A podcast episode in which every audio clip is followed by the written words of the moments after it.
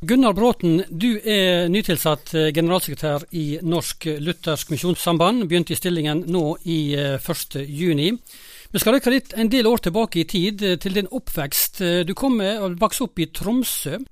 Kristen tru og tanke, hvordan var det en del av barndommen din? Var det en del av familielivet og oppveksten?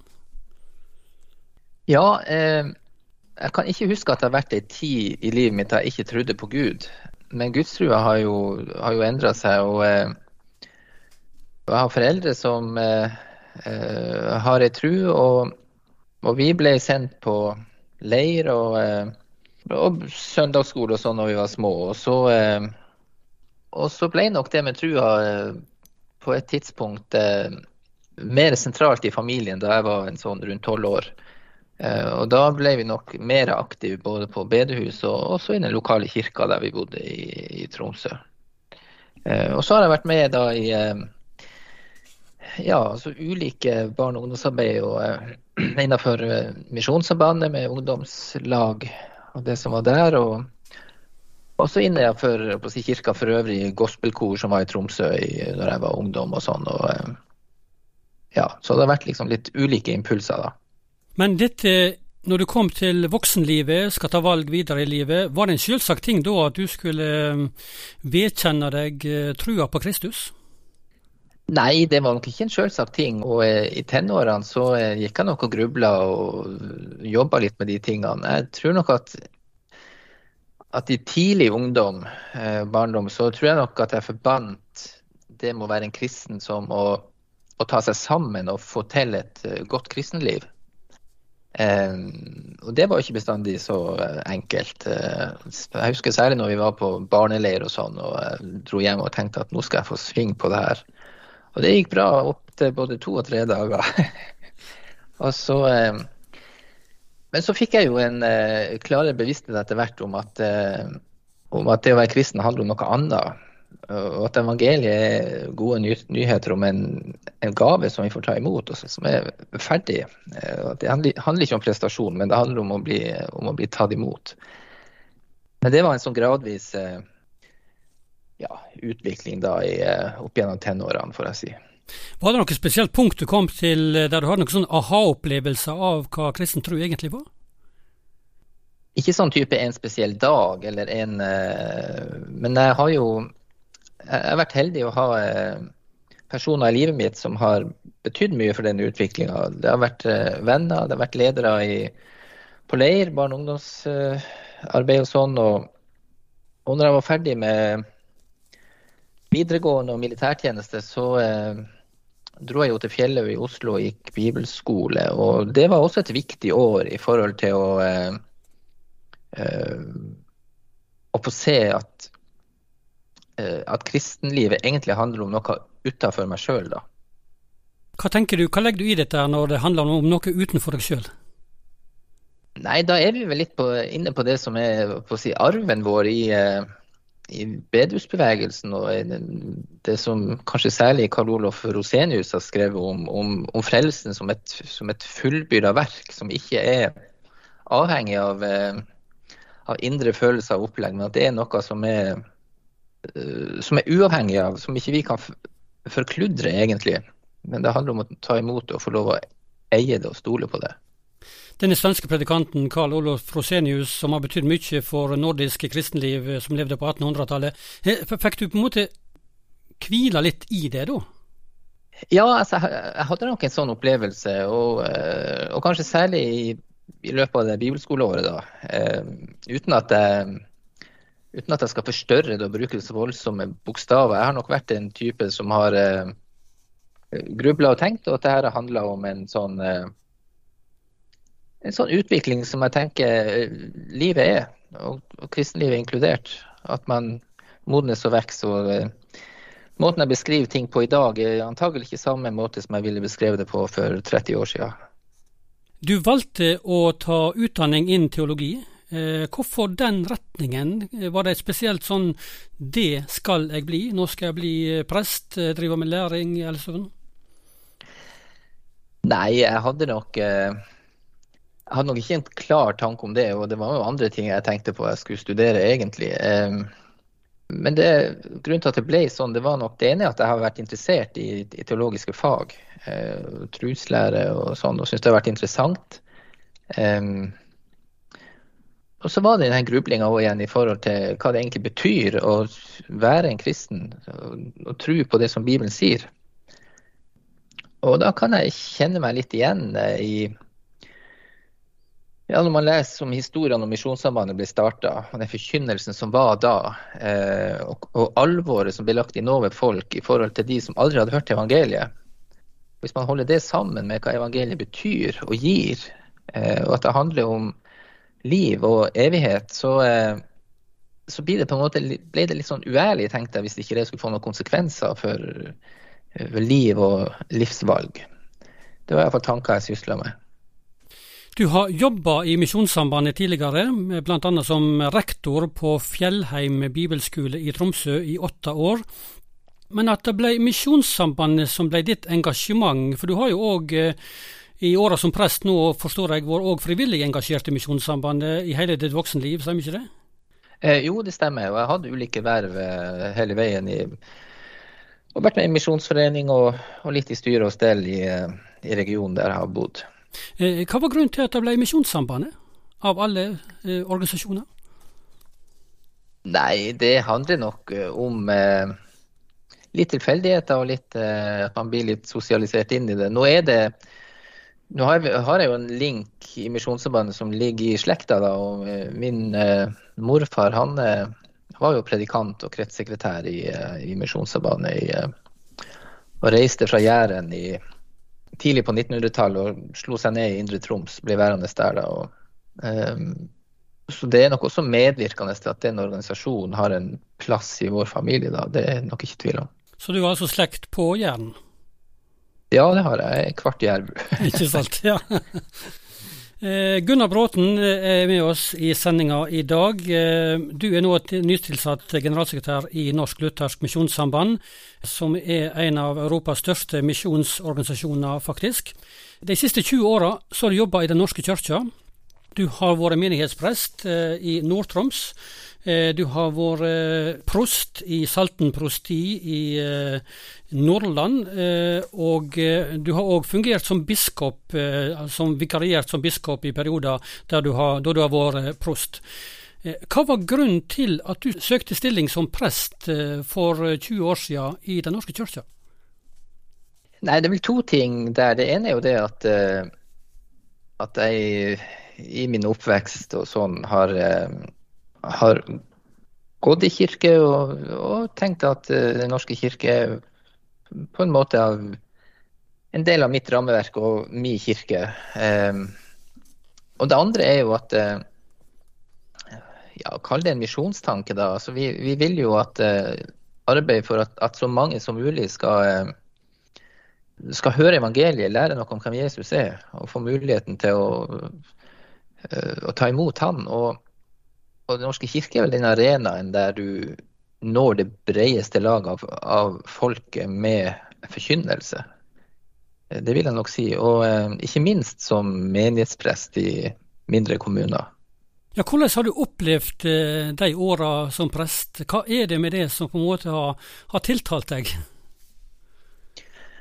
Nei, Jeg syns det har vært veldig meningsfullt å være prest. Eh, og, eh, og, kanskje særlig de årene da jeg var jeg var menighetsprest i, i Nord-Troms, der jeg var. Eh, da får du en rolle i et samfunn. Du blir kjent med mange mennesker. Du bygger mange gode relasjoner.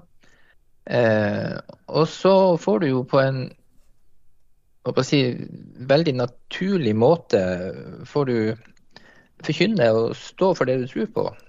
Og det er jo også en del av å være prest. at da, da er det en del av arbeidsbeskrivelsen. og vitne om det du har sett og hørt. Og Det har vært en god hjelp for min del. Nå har du slutta som prest og, og prost i Den norske kyrkja. Du har blitt generalsekretær i Misjonssambandet. Eh, Misjonssambandet er jo da kjent som en sånn lågkirkelig eh, lekmannsorganisasjon, så, som eh, det blir omtalt som. Hvor stort sprang er det for deg å gå fra en stilling som prost i kyrkja til eh, generalsekretær i Misjonssambandet?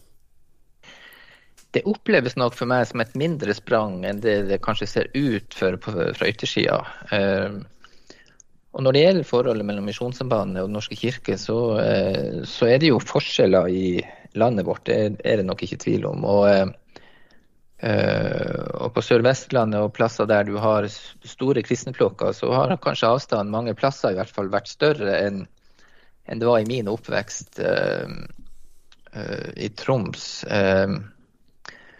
Så for meg er det for så vidt en del av Eh, ja, av det samme kallet jeg har da på et vis. Altså det overordna kallet. Um, og så er det jo noen forskjeller på Den norske kirke og, og Misjonssambandet. Den norske kirke, der har du Altså det er ei folkekirke. Og for meg så er kanskje noe av det mest eh, karakteristiske med ei folkekirke, det er jo at du har et mangfold, da. For det er liksom Vi vil jo romme hele folket, egentlig, og, og bredden av folket. Eh, og så har det vel ikke vært et poeng for Den norske kirke å være sånn veldig ensretta eh, når det gjelder teologi og meninger heller. Det har på en måte vært plass for å, å stå for litt ulike ting og sånn. Eh, mens i Misjonssambandet så er det et oppdrag som samler oss. Eh, og Det gjenspeiler seg jo i mottoet for organisasjonen, altså Verden for Kristus. Det er å nå ut. Eh, og de unådde har jo vært uh, i særlig fokus. Fra starten var det jo Kina, da, men nå er det jo blitt ganske mange flere land og, og andre land. Um, så ideelt sett skulle det på en måte kunne være et samvirke. da. Nå vet jo vi fra det praktiske livet at ikke det alltid har vært like enkelt. Men, uh, men jeg har nå da fått muligheten til å gjøre tjeneste i, i begge sammenhenger. da. Disse spørsmålene du kan få nå, eh, den teologiske utviklinga i kirka som en del i Misjonssambandet har reagert på, eh, til dømes debatten rundt dette med likekjønna vigsel senere år, eh, spørsmål rundt dette med kvinnelige prester, det er jo full åpenhet for det i kirka, mens Misjonssambandet har jo denne ordningen med et særskilt læreransvar som er forbeholdt menn. F.eks. en kvinne kunne ikke hatt den stillingen du har i Misjonssambandet nå, Gunnar Bråten. Mm. Disse spørsmålene her, hvordan forholder du deg til dem? Nei, eh, jeg, jeg syns jo det er viktige spørsmål. Det er jo det ene. Og, eh, og, det som er på en måte det underliggende spørsmålet under de spørsmålene, da, iallfall langt på vei, det er jo, har jo litt med bibelsyn å gjøre. Eh, og eh, når vi putter hverandre i bås og snakker om konservative eller liberale og sånn, så, så, tenker jeg jo at det kanskje handler mest om det. Eh, og jeg er jo konservativ i den forstand at jeg tenker at Bibelen er, er Guds ord at det er Guds inspirerte ord, og at det som står i Bibelen er sant, og at det står sånn som det står for at Gud vil at det skal stå sånn.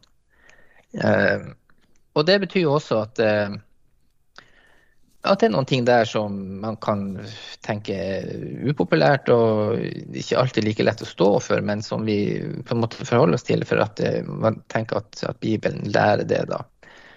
Og så er det jo et spørsmål om tolkning, da, og at det er en del ting som tolkes forskjellig. Eh, og noen av de diskusjonene har jo er jo ikke så enkel hvis, man, hvis utgangspunktet er, blir veldig forskjellig i bibelsyn.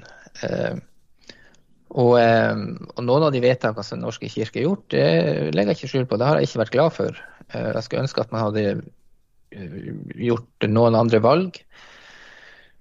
Og jeg tenker jo nok òg at, at den utviklinga som skjedde, har jo medvirka til at, at Misjonssambandet og mange i Misjonssambandet har holdt en, en, en, del avstand til Den norske kirke. da.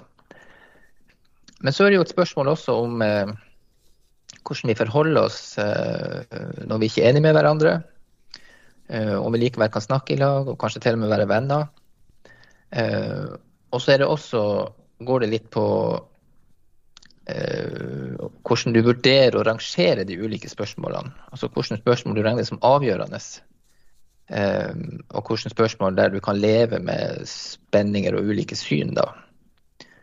Eh, det blir et langt svar, men eh, det er noen tanker langs de linjene som eh, jeg har vært litt opptatt av. da.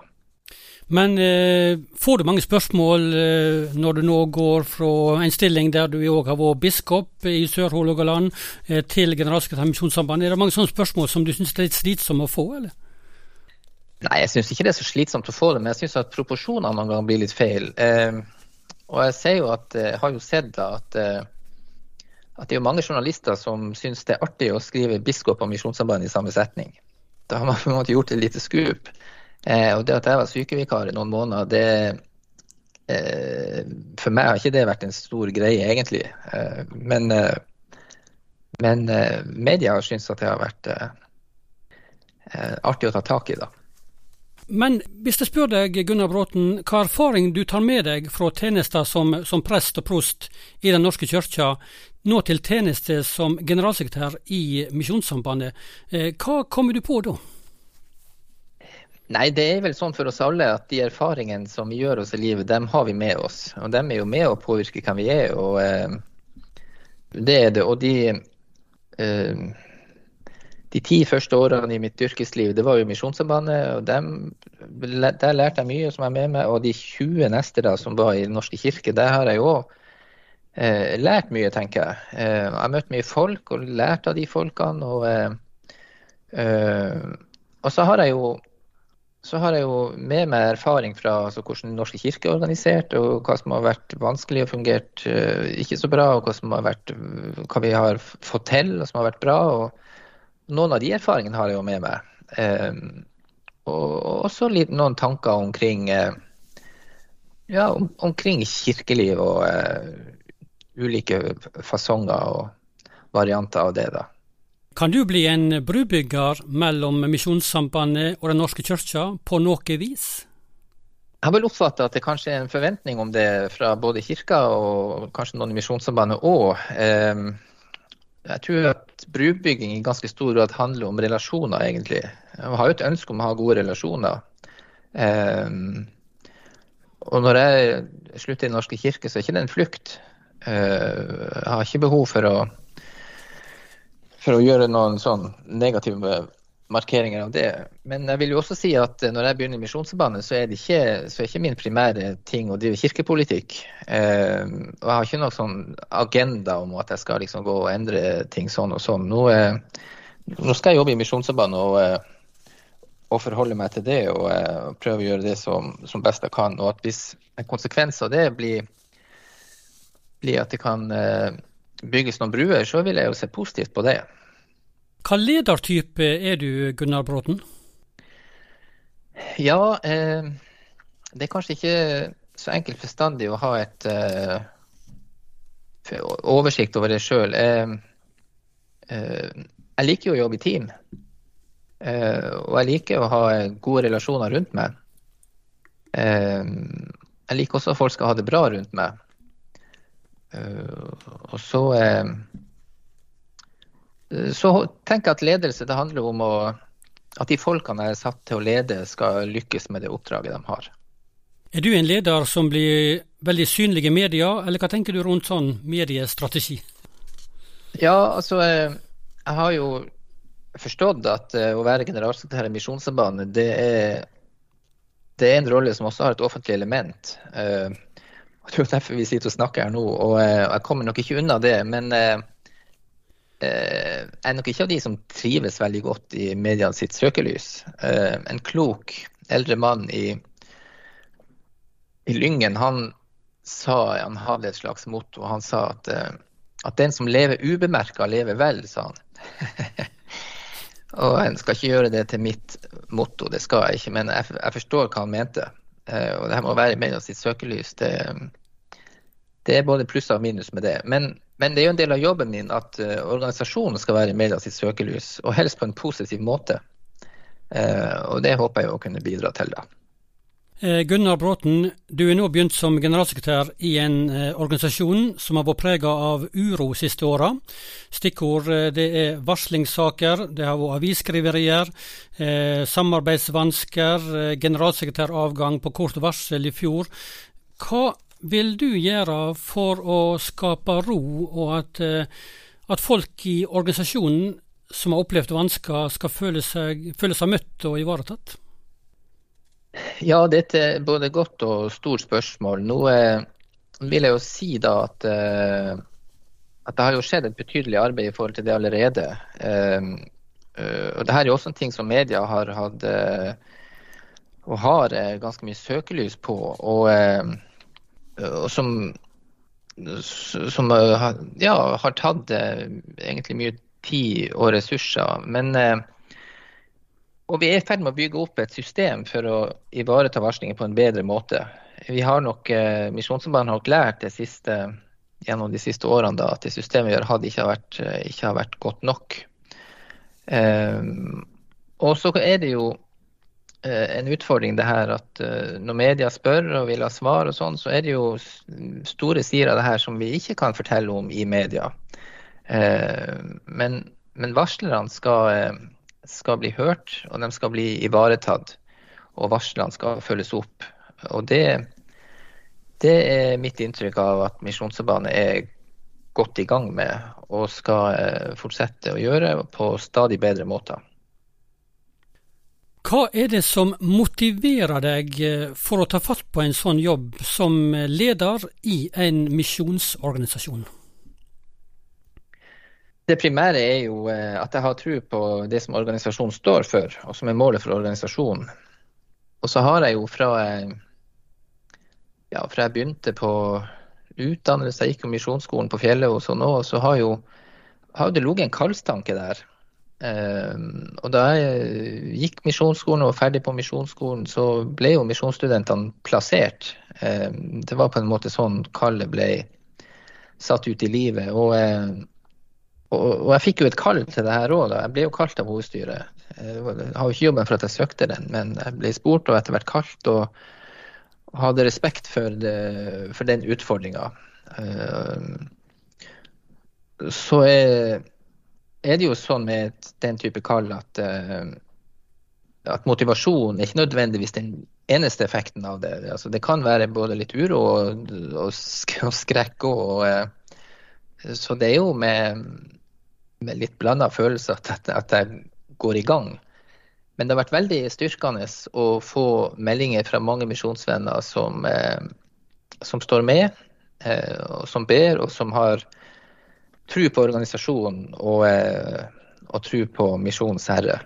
Så det gir frimodighet til å gå inn i denne tjenesten. Slagordet til Misjonssambandet er jo 'Verden for Kristus'. Eh, hvorfor har Misjonssambandet sin berettigelse i 2023 og åra som kommer? Altså Misjonsbefalinga eh, om at alle folkeslag skal høre og bli gjort til disipler, altså det kommer til å gå sin gang. Og Misjonssambandet det er en mulighet for oss til å bli hekta på det oppdraget for å bli en del av det. Eh, så det å få være med, det er egentlig ikke en del av kostnaden, det er egentlig en del av velsignelsen, vil jeg si. Så misjonsoppdraget, den jobben, det er en velsignelse? Ja, det, i sin konsekvens så er det det. Da, da, får du være med på det viktigste. Og, og det å følge et sånt kall, det bringer også med seg velsignelse over dem som følger det. Misjonssambandet har et stort arbeid i Norge, bl.a. skoledrift, og de har forsamlinger, foreninger osv. Eh, og så er det stort arbeid i mange land rundt om i verden, i ulike verdensdeler. Eh, satsingsfelt framover, hva syns du er viktig å legge vekt på? Er det noe sånn umiddelbart du tenker på da? Nå har jo Misjonsmannen vedtatt en strategi, og den er jo førende for, eh, for det vi gjør. Et viktig punkt har jo vært i unådde. Og så er det jo sånn at, eh, at et folk vinnes jo bare én generasjon i gangen. Eh, det gjelder jo også det norske folk. Eh, og Misjonssambandet er jo en ytremisjonsorganisasjon, men også en indremisjonsorganisasjon. Og det vil også være veldig viktig for oss å både nå de nye generasjonene for at de skal få evangeliet, og for at de skal kunne bli fremtidens misjonsfolk. Så uten at jeg skal gå inn på hele strategien, så har jeg lyst til å nevne de tingene, de, de to tingene. Dette at Misjonssambandet senere år har bygd en del forsamlinger rundt om i landet. Det er òg oppretta et sånt register med trossamfunn som folk kan melde seg inn eh, der hvis de ønsker det. Ser du for deg at Misjonssambandet skal bli ei frikirke som driver ytremisjon, sånn som du tenker? Ja, altså nå, Når jeg nå begynner i rollen som generalsekretær, så er jo min jobb å, eh, å på en måte sette ut i livet de vedtakene som hovedstyret gjør. Men sånn som jeg har tenkt, så har jeg, har jeg tenkt at det har vært eh, at Misjonssambandet blir oppretta som misjonsorganisasjon. Og jeg tenker at eh, jeg tror det er bra hvis vi, hvis vi blir det. Men så er det et uh, spørsmål på sida av det. Det er jo hvordan, de, hvordan de forsamlingene skal organiseres fremover. Og Ludvig Hope, som var en leder blant oss som tenkte gode tanker om, om kirke og sånn, han sa jo det ene var jo det at, at livet finner sin vei. Og det andre var jo det at de her ytre strukturene er på en måte stillaset. Eh, og Det er egentlig ikke så viktig hvordan det stillaset ser ut, for det skal rives ned en dag. Og så er det Jesu Kristi kirke som står igjen. Og Det betyr òg at, at hvordan strukturene blir fremover, det, det, er egentlig ikke avgjørende. Men jeg tenker det som vi skal bygge og få til, det er eh, livskraftige fellesskap der, eh, der folk får åndelig næring, altså der ordet blir forkynt sånn at folk kan forstå det. Og der man også kan kjenne at man er en, del av et fellesskap. Eh, så betyr det mindre om eh, eh, egentlig om hvordan navn og type organisering vi da er innafor. Gunnar Bråten, vi skal runde av nå, men hva er det som ligger deg på hjertet, hvis du skal nevne noe sånn kort på hjertet å formidle til mennesket i dag, når du nå har en lang fartstid innenfor kristent arbeid, både som prest, eh, bibelskolerektor og nå altså generalsekretær i Misjonssambandet. Hva ligger det på hjertet? Nei, altså Det som ligger meg på hjertet, det er jo at evangeliet er for alle mennesker, og all slags mennesker. Eh, og eh, og hvis vi kan få sagt det på en måte til alle slags mennesker, så tenker jeg at det må være det aller viktigste. Og kort fatta da, hva, hvordan vil du definere evangeliet? Nei, det er at, eh, at Jesus er veien, sannheten og livet. At, at det finnes et håp for dette livet og for evigheten, og at det håpet har et navn, og det er Jesus.